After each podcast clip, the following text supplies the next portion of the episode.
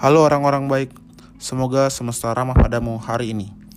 Hari ini gue pengen cerita tentang sebuah acara yang gue datengin beberapa hari yang lalu yang tentu ada kaitannya dengan kebijakan narkotika di Indonesia.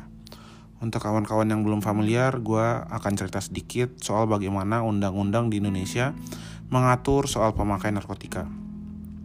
Ketentuan di UU Narkotika pada intinya bilang bahwa kalau kamu adalah seorang pemakai narkotika, kamu harus melaporkan dirimu ke negara agar kamu segera direhabilitasi.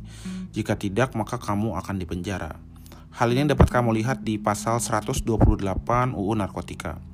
Pasal itu juga memberi batasan bahwa kamu tidak akan diproses hukum selama kamu dalam masa perawatan, tapi maksimal dua kali. Nah, negara kemudian menentukan tempat-tempat di mana kamu bisa melaporkan dirimu sebagai seorang pemakai narkotika. Tempat-tempat ini disebut dengan institusi penerima wajib lapor yang sering disingkat dengan IPWL. Rabu kemarin 17 Juli 2019, gue diminta untuk jadi moderator sebuah acara di Bogor. Acara di Bogor ini bertajuk Kemarin, Hari Ini, dan Esok, yang pada intinya adalah mengajak kita untuk merenungi implementasi UU nomor 35 tahun 2009 tentang narkotika yang pada 2019 ini berusia tepat 10 tahun. Di acara tersebut, seorang dokter yang bertugas di sebuah rumah sakit di Bogor menceritakan keluh kesahnya tentang para klien yang mendaftarkan diri ke IPWL meminta semacam kartu dari pihak rumah sakit.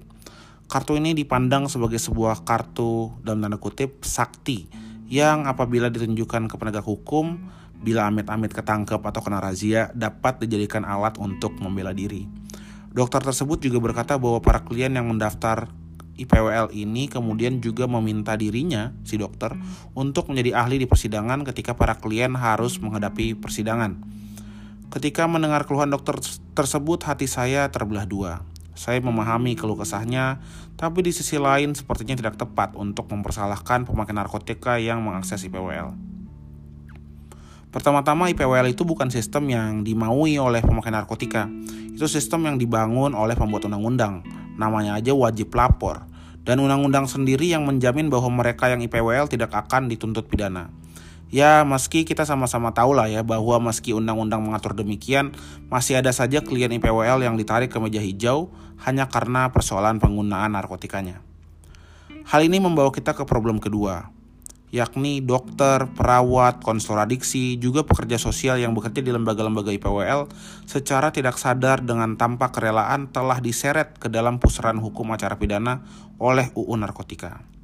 Apakah ketika skema ini disusun DPR, mereka juga sudah memikirkan bahwa dokter dan konselor ini harus menjadi ahli di persidangan untuk klien mereka? Memangnya ada anggaran dari Kementerian Kesehatan, Kementerian Sosial, atau BNN untuk melatih dokter dan konselor untuk memberikan kesaksian di persidangan. Skema ini sesungguhnya adalah sebuah metode rehabilitasi paksa. Cara memaksanya ialah dengan memberikan ancaman pidana. Hal ini jelas adalah pelanggaran hak asasi manusia, terkhusus hak atas kesehatan yang di dalamnya terkandung kebebasan dari perawatan medis yang tidak konsensual. Itu pun dengan asumsi bahwa seluruh IPWL ini memang bekerja profesional berdasarkan standar yang jelas. Yang nyatanya pada perjalanan 10 tahun ini banyak sekali masalahnya. Hal ini pernah terungkap melalui investigasi Ombudsman Republik Indonesia pada awal 2018 lalu. Selain melanggar HAM, kita patut bertanya dong, memangnya skema ini efektif? Kok banyak klien IPWL yang harus berhadapan dengan hukum? Juga kenapa banyak pemakai narkotika yang tidak melaporkan diri hingga akhirnya harus dipenjara?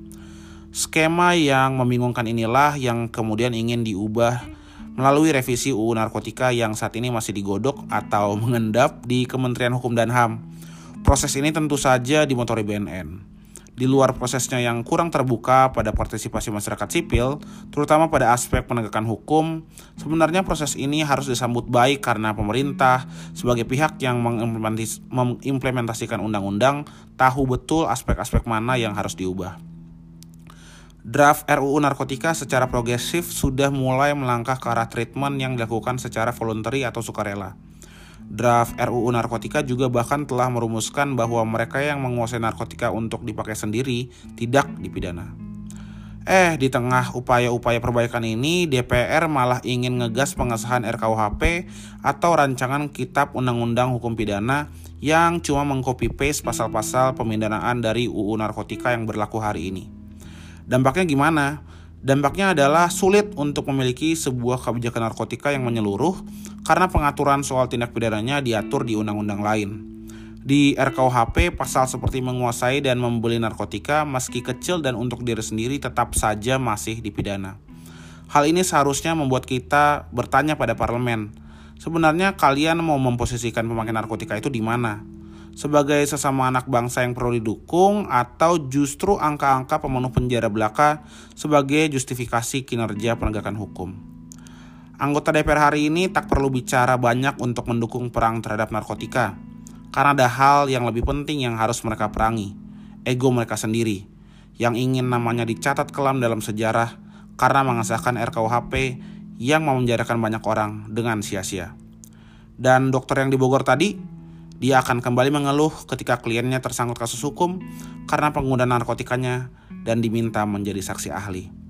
Sekian saja untuk hari ini. Semoga ada manfaat yang bisa diambil dari episode ini.